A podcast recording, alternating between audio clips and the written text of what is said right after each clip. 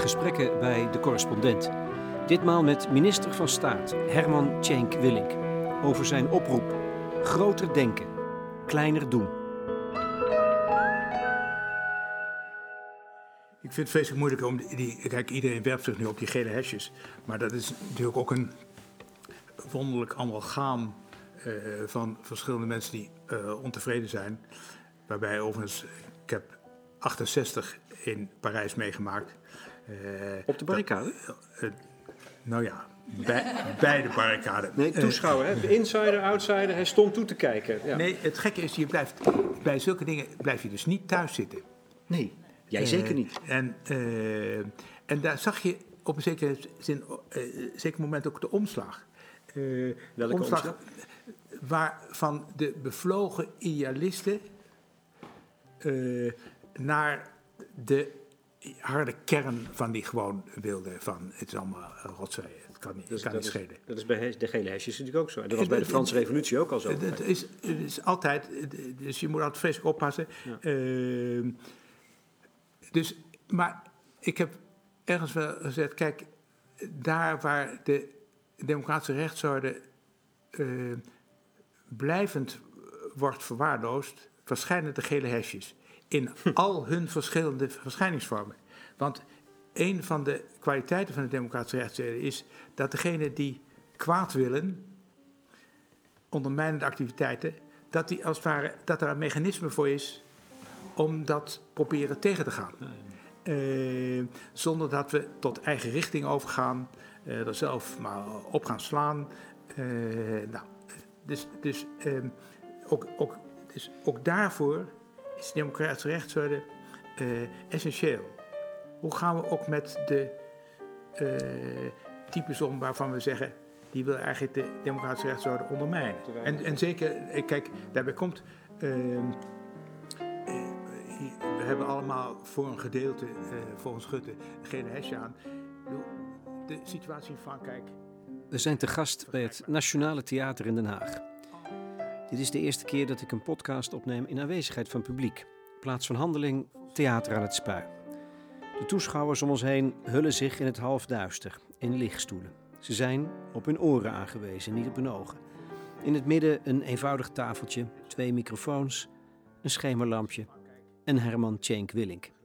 Een van de laatste mensen met gezag. Iemand die dit soort kwalificaties meestal onaangedaan van zich af laat glijden.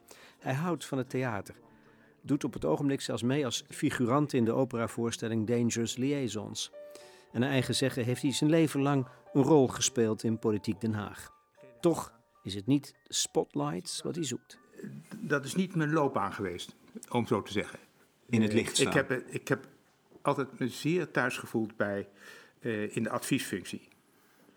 Uh, Waarom? Waarom? Omdat, het, omdat mensen zijn interessant. Uh, en je verplaatsen in mensen is interessant. Het luisteren.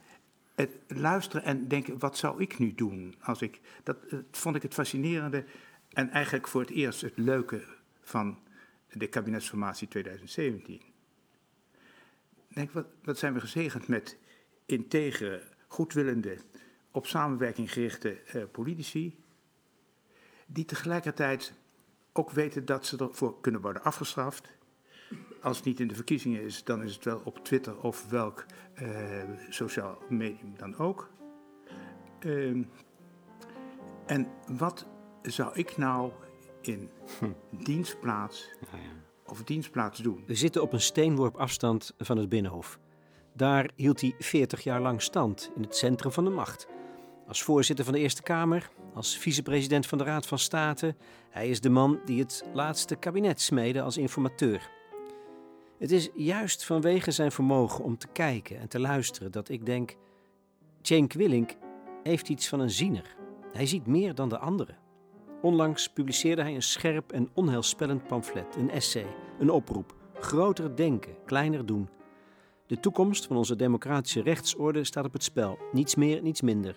Ik vraag, ook om de theatrale setting nog eens te benadrukken: ben jij een soort Cassandra, zo'n ziener die niet gehoord wordt? dat is heel, dat is heel dubbel. Ehm, Lijkt mij ook. Kijk, de positie waar je verkeert is eh, als vicepresident of als voorzitter van de Eerste Kamer, zeker als vicepresident, is het tegelijkertijd werken in en het werken aan. Het werken in een systeem, dan moet je niet te veel afstand van het systeem nemen. Het werken aan een systeem, dat is eh, proberen er ietsje buiten te gaan staan. Dat is dus altijd lastig. Daar heb ik ook last van gehad. En ook eh, wel eens gedacht, hoe komt dat nou? Tot ik erachter kwam dat als je dat, die spanning niet meer voelt, je of volledig bent ingesluist, of bent uitgeworpen. Dus dat is de Haagse wereld in zekere zin. Het gekke is dat de Haagse wereld altijd heeft gezet, je bent zo abstract, uh, we kunnen er niks mee. Maar dat uitgerekend de wereld buiten Den Haag, inderdaad de mensen die in het boekje ook worden genoemd, dus de professionals op de werkvloer, rechters, zeiden eindelijk iemand die probeert te snappen hoe wij de wereld ervaren.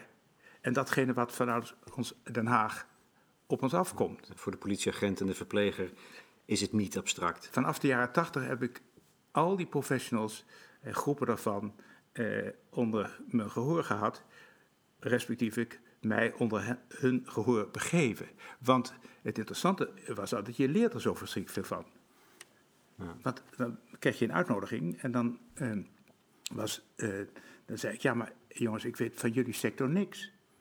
Nee, maar je schijnt wel iets te weten van hoe dat werkte. Dan zei ik, nou, fair deal. Jullie vertellen waar jullie op starten en ik probeer uit te leggen hoe dat komt. Ja, weer dat luisteren trouwens. En gedefinieerd je eigen positie als insider-outsider, maar op de grens van die twee. Dat is waarom ik denk dat je meer ziet dan anderen. Misschien wel als een soort ziener gezien kan worden. Uh, nog één grote vraag. Dit is de inleiding, hè? dit is de introductie. Uh, verkennende uh, algemene beschouwingen, zullen we het maar even zeggen. Ehm, hierna gaan we kleine stapjes zetten. Ehm, maar één vraag.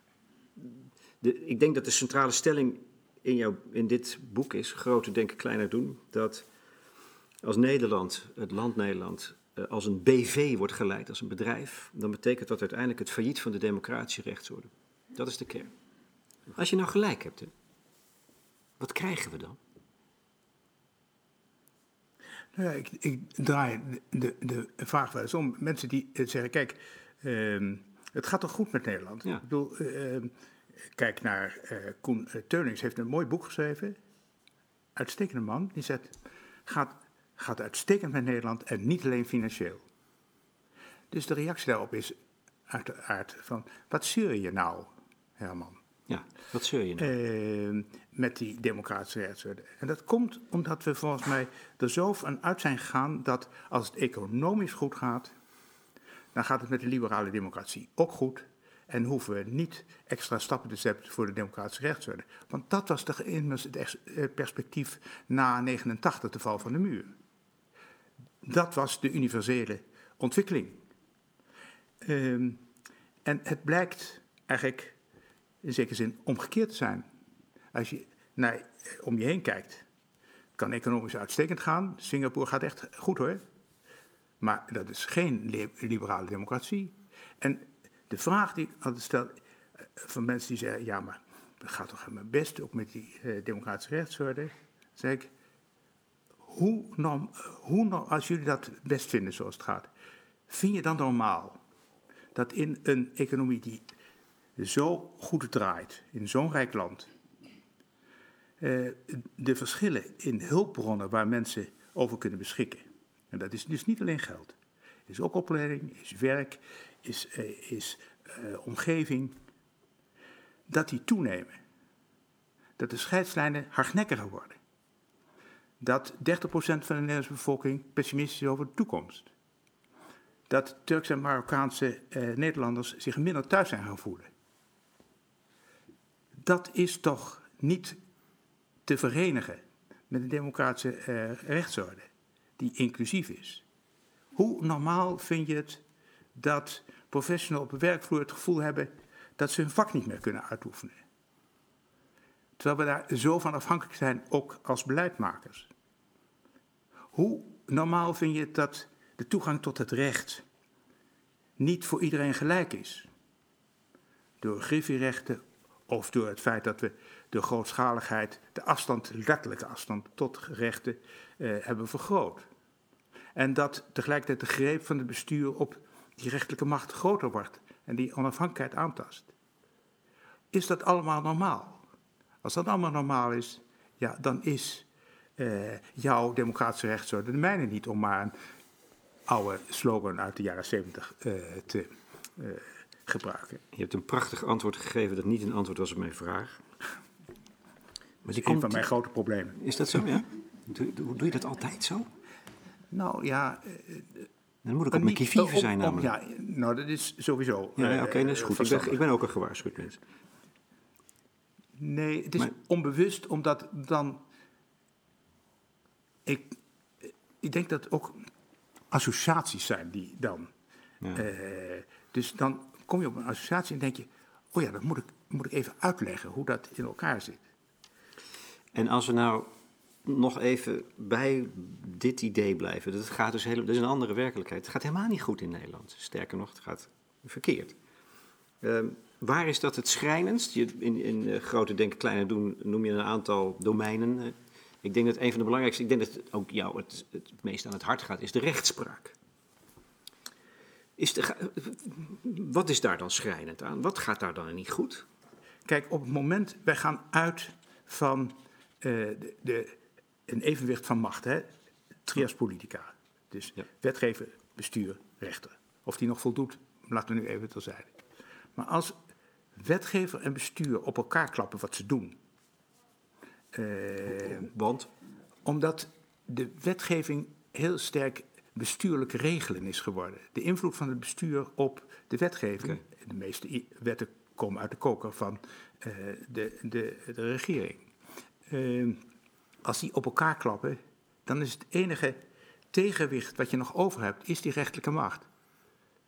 Dus op het moment dat dan vervolgens het bestuur vanuit het managementdenken probeert de problemen die er wel degelijk zijn in de rechterlijke macht te beheersen en die greep op die rechterlijke macht toeneemt, indirect, namelijk via de organisatie, via het management, natuurlijk niet een directe ingreep op de inhoud van de uitspraak, maar de wijze waarop je iets organiseert, heeft altijd natuurlijk invloed op de inhoud en op de wijze waarop uh, rechters kunnen functioneren.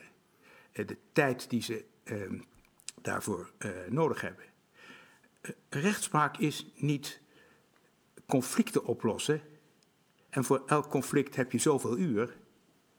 Rechtspraak is recht doen, weven aan het weefsel van de jurisprudentie waar we op kunnen vertrouwen. Dit is het recht in Nederland. Dat is altijd in ontwikkeling. Bij elke uitspraak in zekere zin wordt er aan dat weefsel weer een paar steken eh, bij eh, eh. Ja. Um, dus daar heb je, je, tijd voor nodig. Aandacht, en, concentratie. En, en, niet een strak kader van je hebt er zoveel uur voor, want we moeten zoveel zaken te, per jaar oplossen. Maar tegelijkertijd moeten die rechters natuurlijk ook weten dat ze uh, met publiek geld werken en dat ze verantwoording hebben af te leggen voor de wijze waarop ze dat doen. Uh, maar in het algemeen geldt. Het was heel interessant bij de presentatie van dit boekje. Uh, reikte ik eerst exemplaren uit aan een huisarts van uh, de actiegroep Het Roer moet om. En aan een rechter. En die hadden allebei een klein. Mocht, ik had verboden commentaar te geven op het boek. Zei, je moet zeggen van de gelegenheid gebruik maken waar je mee bezig bent en waar je op stuit. Het interessante was dat die rechter zei, dat verhaal wat die huisarts hield, nou ja, ik had het zo kunnen uitspreken. Als probleem waarmee wij van doen hebben. En dat is dus als het ware wat ik, wat ik probeer. Deze verschijnselen waar ik zo net een paar van noemde, ja. die, dat zijn geen incidenten. Dat, dat zit, die hebben met elkaar te maken. En, en als je nou vast probeert te stellen wat de kern daarvan is. Van al die, want we zouden ook nog over Europa kunnen hebben of over uh, verschillende andere deelgebieden, journalistiek bijvoorbeeld. Wat is nou de kern? De, de kern is denk ik dat we eh, dat begrip voor de democratische rechtsorde en de taal in zekere zin ook nog. Taal is fascinerend iets. Hè? Ja. Ik, heb, ik, ik, kan geen echte uh, essay schrijven volgens mij, maar als ik nu echt goed in het schrijven zou zijn, is altijd nog mijn ambitie, het zal dus niet van komen, ik waarschuw maar, uh, een essay te schrijven over de factor taal en de factor tijd in de over, binnen de overheid. Twee factoren die volstrekt worden ondergewaardeerd. Uh, elke functie heeft zijn eigen taal en zijn eigen tijd. En ik denk dat voor een gedeelte is, voor een gedeelte ook van men, voor mensen binnen de overheid, is de taal van democratie en rechtsorde een vreemde taal geworden. Dus de, de, de vraag is, hoe krijg je die overheersende taal van de economie, van het management, allemaal met de beste bedoelingen. Hmm. Ik bedoel, daar gaat het helemaal niet om. Hoe krijg je die, die dominantie weg? Ja, wat, we weten eigenlijk niet meer wat democratie is. Maar dat is, daar, dan komen we in de buurt volgens mij. Want jij zegt, democratie is een normatief concept. En niet de procedure. Dus we stemmen, ah, de meeste stemmen gelden, dus uh, er is een partij of er zijn een paar partijen die winnen en dus is het in orde. Maar dat is helemaal een democratie niet. Het is, het is een, een stelsel van normen en waarden en dat beseffen, dat zijn we vergeten. Nee, de democratische, recht, ja, de democratische rechtsorde kan je in zekere zin, is natuurlijk niet goed, echt goed precies geformuleerd, maar uh, zijn de gemeenschappelijke spelregels over de wijze waarop de overheid met ons en wij met elkaar omgaan. Uh, en het feit dat we een aantal afspraken hebben gemaakt dat we uh, elkaar, ja, dat we vreedzaam conflicten zullen oplossen. Dat we een uh, gematigdheid zullen betrachten. Dat we, ehm, dat we, dat iedereen telt. Dat het, is, het is een normatief concept wat een inclusief concept is. En niet een uitsluitend concept. Iedereen telt mee. Daarom hebben we uh, sociale grondrechten. Het interessante van die sociale grondrechten overigens, ja, je moet me maar stoppen, want ik, eh, elke zijweg die uh, zal ik inslaan. Nou, maar, ik bedoel, volgens mij is, ze slapen nog niet. Die sociale grondrechten heb ik altijd fascinerend van gevonden. Die zijn in 1983 in, met algemene stemmen in de grondwet opgenomen. En daarna is er nooit meer aan gerefereerd hmm. bij alle veranderingen die in die overheid zijn aangebracht. Weten we nog wat die sociale grondrechten zijn? Nee, uh, weten we niet meer. Je stelt namelijk heel veel retorische vragen. Ja. En het antwoord weet jij donders goed. Uh, uh, je kan er nog een lijst noemen. En het antwoord is steeds nee. Ik citeer: De democratische rechtsorde is geen staatkundig organisatiemodel, maar een normatief concept. Zijn sleutelzin vind ik. Het gaat om fundamentele beginselen en waarden zoals tolerantie, goede trouw, rechtvaardigheid, redelijkheid, openbare orde en mensenrechten. Die dat concept van democratie is iets anders dan het Excel-sheet van de bestuurkundigen die de overheid zijn geleid. Die twee vormen van democratie zijn totaal tegenover elkaar komen te staan. Die andere partij wint op het ogenblik. En dat zijn de managers, ook in het bestuur, niet alleen bij de bedrijven. Die hebben een Excel-sheet en dat gaat over kwantiteit en um, in democratische termen de meeste stemmen gelden. Dat is in politieke zin het recht van de sterkste. En dan kom ik terug bij mijn vraag. Wat krijgen we als je gelijk hebt? Dan krijgen we het recht van de sterkste. Maar dat is toch fascisme? Dat is toch wat jij, waar jij, je zegt het niet, maar dat is toch waar het over gaat. Wat is je grootste angst dat we daarin terechtkomen? Ja, of, of je het... Zeg dan gewoon ja, dan, dan, kunnen we verder. Fascisme of, uh, of communisme, dan krijg je iets absoluuts. Ja, uh, nou dat kennen we, die systemen. Jawel, maar uh, de vraag is, ons grenzeloze optimisme, dat dat bij ons niet zal gebeuren. Terwijl dat hele systeem, dat Montesquieu-systeem van die, die evenwicht van machten, was dat elke macht zonder tegenmacht tot een absolute macht wordt. Hm. Inclusief de macht van de democratisch gekozen meerderheid. Dus de gedachte democratie is eens in de vier jaar stemmen. en is gelijk aan de meerderheid, de toevallige meerderheid in het parlement beslist, is dus een, uh, een buitengewoon minimalistische uh, invulling van democratie. Ja, dat is economisch denken, toch? Dat, daar zit hem dat ook, economische denken ook in. Ja, en, en de vraag is Niet dus, het normatieve. Dat ja, maar en de vraag is dus, uh, hoe komt het nou dat dat denken zo dominant is geworden? Dat is de tweede vraag van dit gesprek.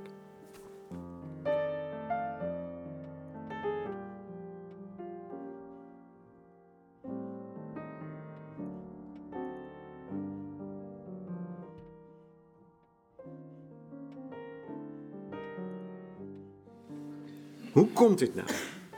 Hoe kan dit nou ontstaan zijn? Dat die twee opvattingen van democratie, hè, die ver uit elkaar zijn komen te liggen en we worden nu geregeerd door het ene. Dan, dan moeten we even, dit wordt even een stukje geschiedenis, verklaring en daarna gaan we op zoek naar de, naar de oplossing. Dan moeten we terug naar de ontzuiling. Ik denk altijd, die ontzuiling, dat was bevrijding. Hè, we waren, we waren, hè, dat was het ook. Maar eigenlijk begrijp ik steeds meer dat daar de oorzaak van het probleem ligt. Kijk, die ontzuiling volstrekt gelijk, dat was ook bevrijding. Uh, maar wat we wij niet hebben gezien, euforisch over die bevrijding, althans sommigen van ons, uh, was dat het een organisch stelsel was met vele verbindingen. En nu kan je die verbindingen allemaal weglaten, maar dan zou je moeten nadenken wat dat betekent voor bijvoorbeeld de de politiek. Of uh, wat ik altijd noem, burgerschap als publiek ambt. Als je daar niet over nadenkt, wordt dus de overheid een probleem. En ik heb altijd het gevoel gehad dat gedeeltelijk ideologisch uh, gedreven, maar gedeeltelijk uit uh, ja, onvermogen, de politiek, de overheid in het algemeen, Nederland, uh, dat concept van de overheid als bedrijf, uh, de volle nadruk op economische groei via uh, de, de markt, ehm, de publieke dienstverlening die eigenlijk toch ook beter zou functioneren als je het zou denken in vraag en aanbod. dat dat, er moest iets. En er moest overigens ook iets aan de financiën gebeuren. En er moest ook iets aan de werkloosheid gebeuren. En, er was ook nog de val van de muur. En er waren ook nog Reagan en Thatcher. En alles bij elkaar, dat heeft als het ware ons op een weg gezet waarvan we dachten, daar redden we het wel mee. En voor gedeelte redden we het er ook mee, want we hadden dus ook nog die reminiscenties aan die verzuiling. Hmm. Die verbindingen waren natuurlijk niet direct weg, die organisaties ook niet. En de atmosfeer van we moeten het met elkaar rooien al helemaal niet. En dat loopt nu op zijn end. Ik bedoel, als zelfs iemand als Ben van Waaien zegt uh, in een gesprek met Tom Jan Meus, uh, we hebben 40 jaar lang niet meer nagedacht. Ben van Waaien, prominent VVD-lid, uh, schrijver van een van de liberaal geloof ik manifest of programma, waar ieder jaar ook de top van de VVD eh, samenkomt. In het zuiden van Europa. In het zuiden van Europa. uh, kijk, dat, dat zegt dus iets. We hebben niet meer nagedacht. Uh, we hebben dus niet, niet meer nagedacht, of in ieder geval, we zijn op dat pad gegaan en dat pad loopt dood. En dus is de vraag, en wat nu? Ja, en in zekere zin terug naar de vragen die we in de jaren 80, 90 hadden moeten stellen en niet beantwoord hebben. Bij, bij het ontzuilen. Maar wat dan wegvalt in die periode is, denk ik dan, afgezien van die, die vanzelfsprekende verbindingen binnen een zuil, verticaal, hoog en laag, verschillende milieus, waren samen en die spraken met elkaar. Of het nou binnen of buiten de kerk was, of op het voerveld, dat maakt niet uit. Maar daar was contact, dat, was, dat noem jij verbinding. Dat is één. En de, de, verschillende gremia van die zuilen, die konden met elkaar horizontaal overleggen. Maar ik denk ook, wat wegviel was ideologie. Ja, dat was de, dat, en dat missen we nu. Ja, dat was de oorzaak uh, van, als het ware, ideologie en godsdienst. Dus de, ja? de, die, maar niet alleen godsdienst, ook een sociaal... Uh, ja, nee, precies. Maar dus, dus dat, als basis viel dat weg. Vervolgens gebeurde er nog iets anders. onder andere door die, ehm, door die privatisering zijn er een aantal verbindingen ehm, eigenlijk onbewust gesloopt. Ik noem eh, in het boekje de, eh, post, dezelfde postbode die iedere dag, vroeger twee keer per dag, maar eh, langskwam op hetzelfde tijdstip. Dat is een verbindingsschakel. De, dezelfde mevrouw bij het ziekenfonds is toch iets anders dan een callcenter. Voor uw eigen gemak hebben een, gebruiken we een programma, Press 3, voor, nou, weet ik wat. Uh, dus we hebben dus onbewust als consequentie van uh, onder andere die privatisering en verzelfstandiging van uh, publieke diensten, is er dus ook verbinding weggevallen. Vervolgens hebben we nog doelbewust een aantal verbindingen doorgesneden. We hebben gemeenten opgeheven. Ik bedoel, allemaal rationeel. Hè? Ik bedoel, er is, is niks irrationeels bij. we zaten er allemaal bij. Het zaten allemaal bij, we hebben het allemaal gedaan. Er zit ook een redenering achter. Dan kan je efficiënter werken. De wereld is ingewikkeld. Uh, niet elke gemeente heeft uh, voldoende uh, competente ambtenaren. Maar het is toch interessant dat je, onlangs wordt de, de eis van de benoemde burgemeester uit de grondwet gehaald. Nou, een uitstekend idee uit de jaren eh, 70 en 80.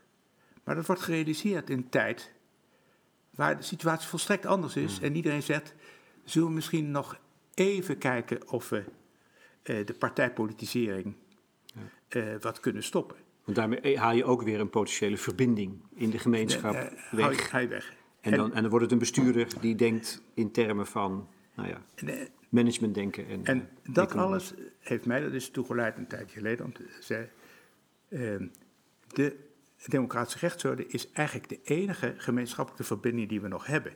Als we wisten wat het was. En vervolgens moeten we ons dus opnieuw gaan ja. bezighouden met de vraag, en wat is dat dan? Ja. Want, want, want met die burger die wegvalt, valt dus ook dat normatieve, of die, de, de, de, met de zuilen die wegvallen, valt dus een heel normatief kader ook weg en er valt een gat en dan, dan komt er dus regelgeving en toezicht. Ja. En je zegt ergens dat wat wij uitgeven in de zorg aan regelgeving en, en, en toezicht... is ongeveer twee keer zoveel als aan de hele huisartsengeneeskunde. Ja, de huisartsen zelf eh, zeggen het is 10 miljard en drie keer zoveel.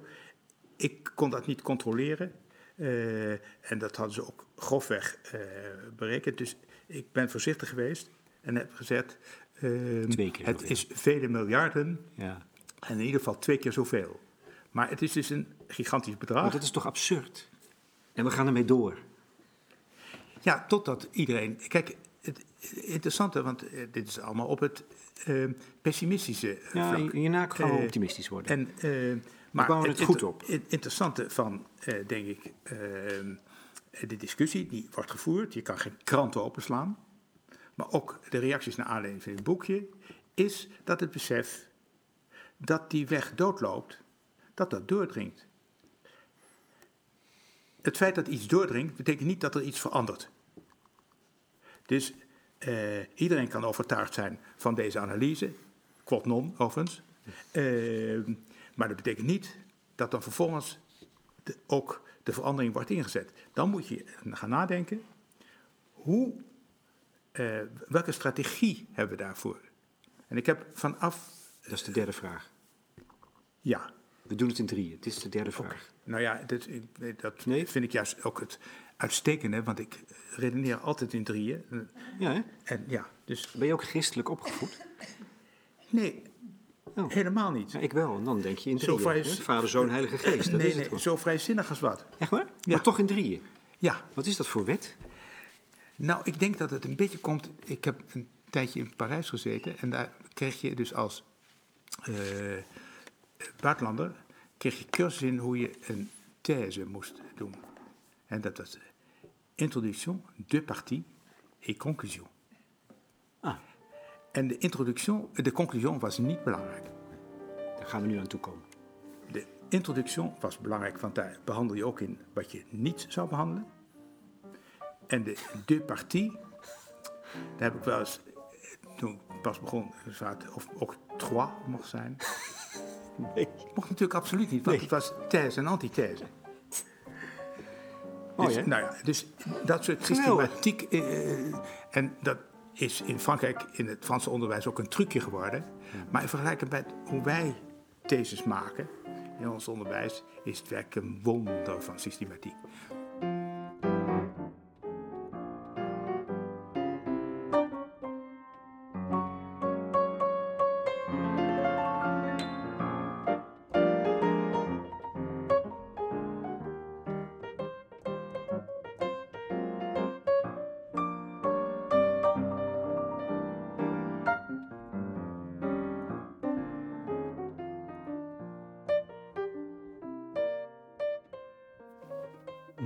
Indigo.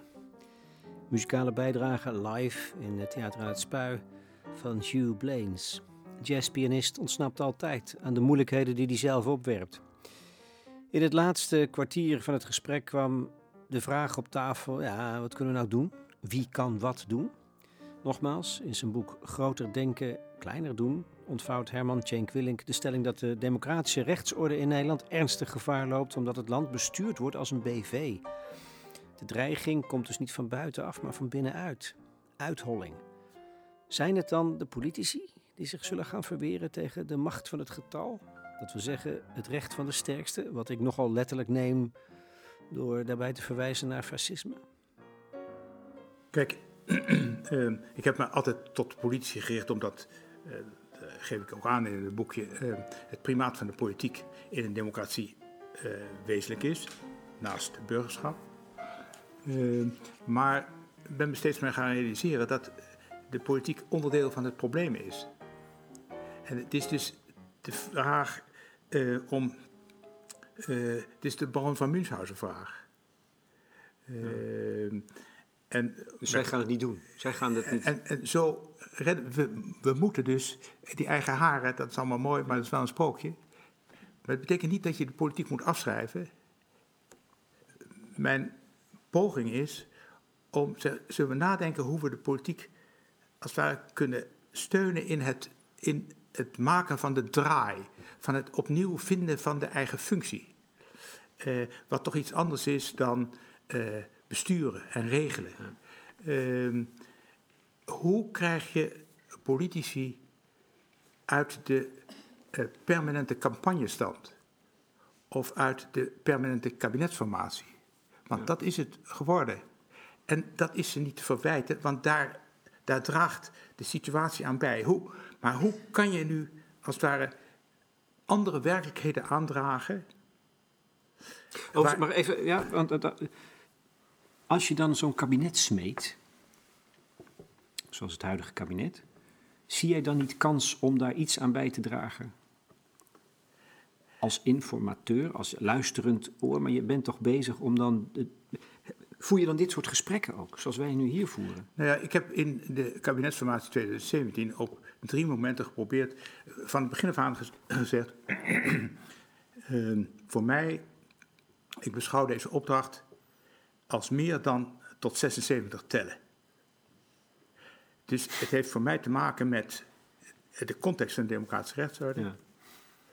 Eh, dat was bij de persconferentie, eerste persconferentie. Vond men, sommige journalisten zeiden, eh, geeft die college, wat is het dan, uh, buitengewoon Heb, heb je Herman Cenk eh, Willink heb je hem weer. Cassandra. An, anderen die zei, oh ja, zo zit het in elkaar. Helemaal aan het eind bij de bijlage over de uitvoerbaarheid en uitvoering, waar overigens in de politiek geen woord over gesproken is. Als ik daarop word aangesproken, zei het bewijst de juistheid van mijn analyse. Eh, maar dat hebben ze niet gelezen. Dus. in het midden, en daar, eh, daar, dat is eigenlijk wat ik wilde zeggen, in het midden tijdens het tussendebat heb ik de, eh, de Kamer gezet, je moet je goed realiseren dat je eigenlijk in die politiek op dit moment heel snel de, de, de fase van hebben we het over hetzelfde probleem overslaan. Dat we eigenlijk ook de fase overslaan van wat zijn de alternatieve oplossingen. En jullie belanden eigenlijk altijd direct in de fase van welke regels zullen we maken. Maar als je dat doet, dan kan je een, een, een een debat over een regel haalt nooit meer het politieke debat over het probleem naar boven. Dus is het nou niet mogelijk om, eh, als het ware, in die fasering van kabinetsformatie, te zeggen: oké, als we eerst hebben uitgevonden wie wel eventueel met wie wil onderhandelen, zullen we dan de volgende fase besteden aan. En welke grote problemen komen ons op af? Wat zijn de feiten? Wat zijn de nieuwe ontwikkelingen? Kunnen we er iets mee? Kunnen we er iets aan doen? En zo ja, wat? Om van daar en dat, dat in het, de Kamer te debatteren. En dan vervolgens, de volgende fase, en welke alternatieve oplossingsrichtingen? Er zijn er altijd maar weinig. Uh, en pas aan het eind. En zo creëer... is, dat, is, dat, is dat gebeurd? Zijn ze op die nee, dat, zijn ze, hebben ze terzijde geschoven, die uitnodiging? Dat is, dat is een van de redenen geweest dat, dat ik, uh, hier gezegd en natuurlijk ook gezwegen... Uh, mm. ze, het is maar een podcast. Dat, dat, dat ik dacht, ik ben niet geschikt voor de volgende fase ja. onderhandelingen. Want dat gaat bijna onvermijdelijk over die instrumenten, over de afzonderlijke regelingen. Ja. En ik zal willen weten wat daarachter zit. Ja. En dat is godsonmogelijk om dat allemaal te kennen. Nee, dat begrijp ik. Daar had je niks meer te zoeken. En daar had ik niets meer te zoeken. Als insider, outsider. Van wie gaan we het wel verwachten? Ik kreeg al een brief van een rechter uit Zeeland. Die rechters hebben al een groep gevormd. Zeer conservatieve beroepsgroep in Nederland. Die komen in beweging. Die, hebben dat noem, die noemen zich tegenlicht. Naar verluid, begrijp ik uit die brief, geïnspireerd door jouw denken. En die gaan opeens zich manifesteren als een soort actiegroep. Stel je voor, de rechters in Nederland gaan actie voeren. Uh, is dat het? Dat is een van de aangevingspunten. Overigens hebben ze, uh, zij mij geïnspireerd. Want de, voor de tegenlichtbeweging was er het Leeuwarden Manifest. En het Leeuwarden Manifest, dat uh, had ook allerlei protesten. Maar dat, dat concentreerde zich op werkdruk en geld. Ja. En ik dacht, goed dat ze protesteren, maar dit verliezen ze. Ja. Want eh, protesteren vanwege gebrek aan geld of eh, werkdruk, dat is het probleem niet. Het wezenlijke probleem, bij, ook bij die professioneel op de werkvloer, is erkenning van professionaliteit. Dus iedereen die zegt, dit is geweldig, we gaan nu actie voeren voor meer loon voor de lassers, zoals uh, Lina Marijnse dat, van mij mag het. Lijkt me ook, uh, misschien is het wel heel goed. Maar het gaat om de erkenning van de professionaliteit van de lasser of van de huisarts, die, zijn, die die professionaliteit ook moet kunnen ontplooien. En wat houdt dat dan in? in dit en, en dat houdt in dat ze dus in verzet komen tegen alle regels, de modellen, uh, die als het ware tegen die, die, die, uh, die professionaliteitsschade. Dat heeft dus als consequentie, wil je dat kunnen doen, dat je weet wat je professionaliteit inhoudt en weet wat je eigen functie inhoudt. En mijn stelling tegenover de rechters is altijd geweest, het probleem is dat we de afgelopen 30 jaar verschillende reorganisaties hebben gehad in de rechterlijke macht, die geen enkele was gebaseerd op het opnieuw doordenken van de rechtelijke functie of de rol van het recht. En de rol van het recht is natuurlijk toch veranderd, ook door het feit dat ideologieën en dergelijke zijn verdwenen. Uh, we leggen allerlei dingen aan de rechter voor waar we vroeger niet over zouden piekeren. Dat moet die rechter dan maar oplossen. Dan moet je dus weten, wat is mijn functie? En een van de essentiële dingen om als het ware terug te keren naar de democratische rechtsorde, is de vraag: een van de vragen die we in de jaren 80 en 90 hebben laten liggen. Wat is mijn eigen functie daarin? Wat is de politieke functie? Wat is de waarde van de bureaucratie? Hm. Wat, is, eh, wat is de functie van de uh, professional? Wat, wat, houdt het nou in, dokter zijn? Dat is toch iets anders dan uh, verrichtingen waarvoor je zoveel krijgt. Uh, wat houdt het nou in om uh, leraar te zijn. Dat is toch iets anders dan zoveel lessen in zoveel uur en zoveel vakantie. Dat heeft toch te maken met motiveren. Het heeft bij de huisarts te maken met een vaste relatie met de patiënt ontwikkelen. Daarom is het zo idioot om huisartsen onder de mededingingswet. Dat gaat ervan uit dat huisartsen concurreren ja. op prijs en kwaliteit. Dat het, de, de essentie van de huisartsenij is toch het vertrouwen, de vertrouwensband die je met de patiënt, waardoor je denkt, wat ik laatst bij een goede vriend van, uh, die kwam bij de dokter en die zei, meneer, het is, uh, meestal als u komt weet ik, maar dit keer, ik vertrouw het niet. U gaat vandaag naar de, onmiddellijk naar de spoedhulp en die was dus ernstig ziek. En dat komt omdat die man de persoon kende, weet, dat hij niet een, uh, een sombere, somberaar was. En dacht, nu is er iets, vage klachten, nu is er iets niet goed. Op basis van die relatie die er was. En dat is basis van die relatie. Dat is een hele concrete manier waarop de verbinding hersteld wordt, als het ware. En dus ben ik, dat boek is dus ook vanuit optimisme geschreven, omdat ik denk, deze mensen die vaak in de zwakste positie zitten, want ik bedoel, uitvoerders, zoals ik ze oneerbiedig maar noem, hebben natuurlijk ook rechtspositioneel vaak eh, zwakke posities. Om, toch moet het daarvan komen. Want de macht kan je alleen maar benaderen via de tegenmacht. Je moet tegenwicht bieden, want anders dan gaat, omdat het rationeel is, gaat het proces gewoon door. En hoe kunnen al die, die uitvoerders, professionals, maar dus ook um, politiemensen en de mensen die in de zorg werken en de rechters, hoe kunnen die dan die tegenmacht vormen nou, en echt een vuist maken? Uh, uh, nou ja, je ziet het bijvoorbeeld in die, die actiegroep Het Roer moet om. Dat is, ja. je, je moet goed kijken naar dat soort voorbeelden. Uh, wat, waarop stuiten ze, maar waar, waarin hebben ze ook succes?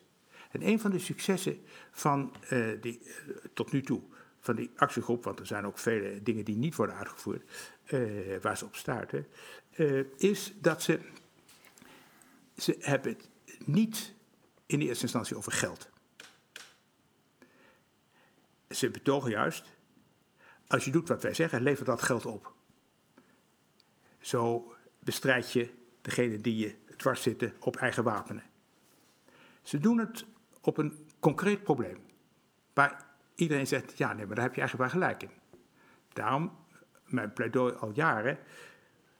Zullen we eens kijken hoe, hoeveel nu die controle op controle en de inhuur van externe consultants en eh, wat we ook allemaal doen, ons eigenlijk kost. Uh, vinden we dat logisch? Kunnen we dat niet beter besteden? Ja, Kijk, moet, zolang je dat niet weet. Je moet ze slaan met hun eigen wapenen. Natuurlijk. En, uh, en dus steeds je zelfvertrouwen vinden in de zekerheid dat je weet wat je functie is. En dat je professioneel eh, bezig bent, respectievelijk als dat niet zo is, dat je dat kunt verbeteren. Dus je moet eigenlijk binnen je eigen beroepsgroep dat, dat, dat normatieve debat weer voeren. En dan daarbuiten verbinding zoeken naar andere maar, uh, maar die, maar die uh, functies zijn toch allemaal normatief? Ja, maar het mag er niet meer over gaan. Het gaat er Want je hebt er ook geen tijd voor trouwens. Het, het, gaat er natuurlijk wel degelijk, als je die mensen echt hoort, gaat het wel degelijk over. En het gaat nu om dat dat geluid, nu, nu daar het klimaat langzaam voor is, eh, dat dat helderder wordt. En dat je je goed moet realiseren dat diegenen die ons quote-unquote ondersteund hebben op het pad van het bedrijfsmatige werken van de overheid, dat die natuurlijk niet weg zijn. Nederland is een van de landen waar relatief het meeste uh, door de overheid wordt uitgegeven aan consultancy. Je denkt toch niet dat die nu zijn verdwenen? Nee. Die storten zich op de uh, klimaatmarkt, de omvorming naar duurzame energie. En die storten zich vaak als kleine zelfstandigen uh, op de markt van participerende burgers heeft met democratie, hun begrip voor wat de democratische rechtsorde inhoudt, nee. is niet automatisch verbeterd in de afgelopen 30 jaar. Dus die overheid die moet tegelijkertijd zelf delen, als het ware, delen we deze analyse. Dat betekent dat de overheid zelf dus weer inhoudelijk krachtiger moet worden. Naast alle andere dingen die we ook uh, doen. Maar die overheid, het is, dat is, zo kun je, zou je het ook kunnen beschrijven. Hè? Eerst waren er de juristen in de overheid, toen kwamen de sociologen. Daarna is de overheid overgenomen door de economen. En de mensen die bedrijfskunde hebben gestudeerd. Die zitten daar, die, dat, dat zijn de mensen die, die, die ons ja, besturen. Maar, ik dus denk, die, krijg je, die heb je ook niet even gauw weg. Nee, dat is, eh, kijk, je moet bij, als je wil veranderen, moet je, twee, moet je twee condities voldoen. Ten eerste, je moet precies weten wat het probleem is. En dan niet algemeen geformuleerd, want zegt iedereen nee, dat is inderdaad het probleem. Maar iedereen denkt aan iets anders. Dus zo precies mogelijk geformuleerd. Je moet weten wie het probleem heeft. Want die moet eventueel meewerken, respectievelijk uh, is een steun. En dat blijkt, brengt tot de tweede conditie, druk van buitenaf. Zonder druk van buitenaf lukt er geen verandering. En dan is misschien een derde, dat is namelijk bij de bevolking zekerheid. Een minimum aan zekerheid is nodig om veranderingen mogelijk te maken. Anders dan, dus als je dat soort noties niet in je kop hebt, dan komt er niks van terecht. En uh, gezonde mate van wantrouwen van al die mensen die nu zeggen, uh, maar die Willink, nou zeg, dat is uh, geweldig. die hebben 30 jaar lang misschien dat hmm. dikke boek, mooi dat je bij hebt overigens. Maar, niet, niet de beperking, maar de ruimte. Ehm, misschien wel in handen gehad. Maar, maar niet, geluisterd. Niet gelezen. Dus, en dat, daar is op zichzelf niks over te klagen. Maar je moet wel zien hoe dat, hoe dat werkt. Ja, ik heb, dus, ik heb met, uh, met groot genoegen naar je geluisterd. Het stond op de vierde plaats in best verkochte boeken in de NRC, maar dat moet op één. En ik hoop nog een keer dat essay voor jou te lezen over taal en tijd. Dankjewel. Dankjewel.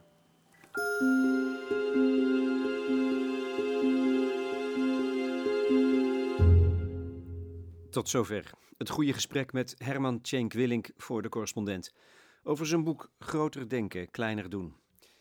De ontmoeting vond plaats in het Theater aan het Spui in Den Haag met dank aan het Nationale Theater. Muziek Hugh Blaines. Heb je vragen aan Herman Tjenk Willing? Stel ze dan op het platform van de correspondent. Hoe kunnen we opnieuw vormgeven aan de inhoud van professionaliteit? Trein terugveroveren op het economische denken. Dit was de eerste opname van een goed gesprek in aanwezigheid van publiek. De volgende keer is op zondag 10 maart met. weet ik nog niet. Blijf op de hoogte door je te abonneren op mijn nieuwsbrief. Verder zijn de collega's zeer actief met het inspreken van verhalen. Jesse Frederik bijvoorbeeld. Neem dit verhaal hoe cijferdictatuur het werk van leraren, agenten en artsen onmogelijk maakt. Maar goed, het is nog niet afgelopen. Uh, in het zaaltje is wat licht bijgekomen. De mensen om ons heen komen tot leven en beginnen vragen te stellen. Over de gele hesjes natuurlijk, hoe die te plaatsen in dit verhaal. En hoe zit het met de armoede aan de onderkant van de samenleving? Iemand zegt: Ik ken mensen die geen geld meer hebben om suiker te kopen. We doen ieder jaar eh, de, de, de koopkrachtplaatjes. Hè? Is, zijn de uh, gevolgen van de overheidsmaatregelen min of meer billig gespreid? Waar het inkomen betreft. We doen het niet voor vermogen, we doen het niet voor opleiding. Uh, en het gaat dus wat, wat het SCP het, het noemt, het Sociaal Cultureel Planbureau, Kim Putters, de hulpbronnen. En de ongelijkheid daarin neemt toe. En dat is dus een schande. Maar dat is wel degelijk ook verbonden met de uitholling van de democratische rechtsorde. Dat is een voorbeeld van de uitholling van de democratische rechtsorde. Want de democratische rechtsorde heeft, is een stelsel van gematigdheid wat insluit en niet uitsluit. Het is een inclusief concept en niet een, uh, uitsluitend concept.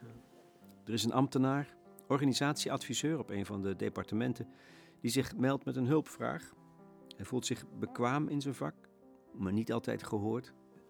Uh, uh, ik denk dat. Ik had het net over de waarde van de bureaucratie. Eh, ambtenaren behoren tot de bureaucratie en we hebben het altijd over ambtenaren, dat is, eh, dat is niks. Als je eh, toekomst wil, dan moet je in het bedrijfsleven. En bureaucratisme, bureaucratische regels, dat is alleen maar belemmerend. Dat gaat allemaal voorbij aan de waarde van de bureaucratie. En ambtenaren moeten zowel uiteraard loyaal aan de uiteindelijke beslissing van de minister, maar ook deskundig en ook onafhankelijk zijn. Deskundig op hun terrein en onafhankelijk in hun oordeelsvorming. Dus wat er moet gebeuren is, kijk, als de politiek verstandig zou zijn, zou ze een investeringsprogramma eh, maken nu voor eh, het weer bijbrengen van die inhoudelijke deskundigheid, het collectieve geheugen. Eh, mensen die weten waar ze over praten en die als het ware niet alleen maar de, met alle waardering overigens eh, hun uiterste best doen om het proces te managen. Om vervolgens voor de inhoud consultants in te huren, die eigenlijk ook helemaal niet zo inhoudelijk zijn, maar die ook het proces managen. Ja, maar wat kan ik doen? Wat moet ik doen? Je hebt niet de meerderheid nodig om een verandering te bewerkstelligen. Eh, soms is 20, 30 procent is voldoende om het klimaat te beïnvloeden. En, eh, dus, en zoek ook wat dat betreft medestanders. Eh, in je eentje zal iedereen zeggen, zeg, wat ga, is, het is maandagochtend, wat doet die vandaag, idioot? Zo hadden we toch niet afgesproken. Dus Hij, heeft, Vind- hij, is, hij is naar de podcast van Jake Willing gaan luisteren. Ja. ja, Oh ja, En- shit. oh ja, ja. Maar ik, ik merk aan reacties ook dat men op zichzelf belangstelling heeft in- binnen departementen. Maar eh, er zijn anderen in de zaal die ook eh, vaak worden uitgenodigd of voor, voor dit soort Ja. sessies op departementen. En het gaat dus om, kunnen we elkaar daarbij ondersteunen eh, Van, van binnenuit beïnvloeden. en beïnvloeden en, van, en door druk van buitenaf. Debat, debat, debat, herhaalt Cenk Willink voortdurend. Daar eh, speelt de journalistiek natuurlijk een grote rol in. Eh, ook onderworpen aan commerciële eh, dingen. Maar een van de interessante ontwikkelingen eh, en consequenties van Trump is dat ook de journalistiek volgens mij opnieuw is gaan nadenken: wat is onze, wat is onze functie? We gaan hem nog dankbaar zijn, Trump.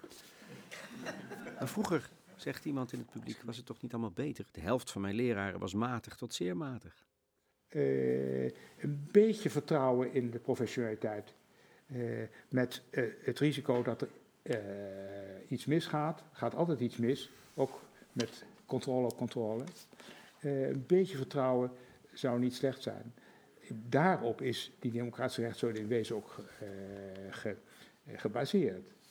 Vertrouwen dat ieder zijn eigen functie kent eh, en bereid is zo goed mogelijk uit te oefenen. En de verantwoordelijkheid van de ander respecteert. Ehm, dat is in wezen polderen. Polderen is gemeenschappelijke verantwoordelijkheid kennen, je eigen functie kennen en bereid zijn tot compromis. Met inachtneming dus, want anders is er geen compromis, met de verantwoordelijkheid van de. Moet ik tenslotte nog een aanbeveling doen voor het boek? Een zeer goede vriend van mij, hoogambtenaar, leest passages voor op zijn departement. Je kan wel elke zin aanstrepen, zeg ik. Het is zo gecondenseerd. Er staat geen woord te veel in. Maar dat is ook het gevaar overigens. Want eh, het betekent ook dat je eh, er makkelijk eh, overheen leest. Volgens mij is een van de dingen dat.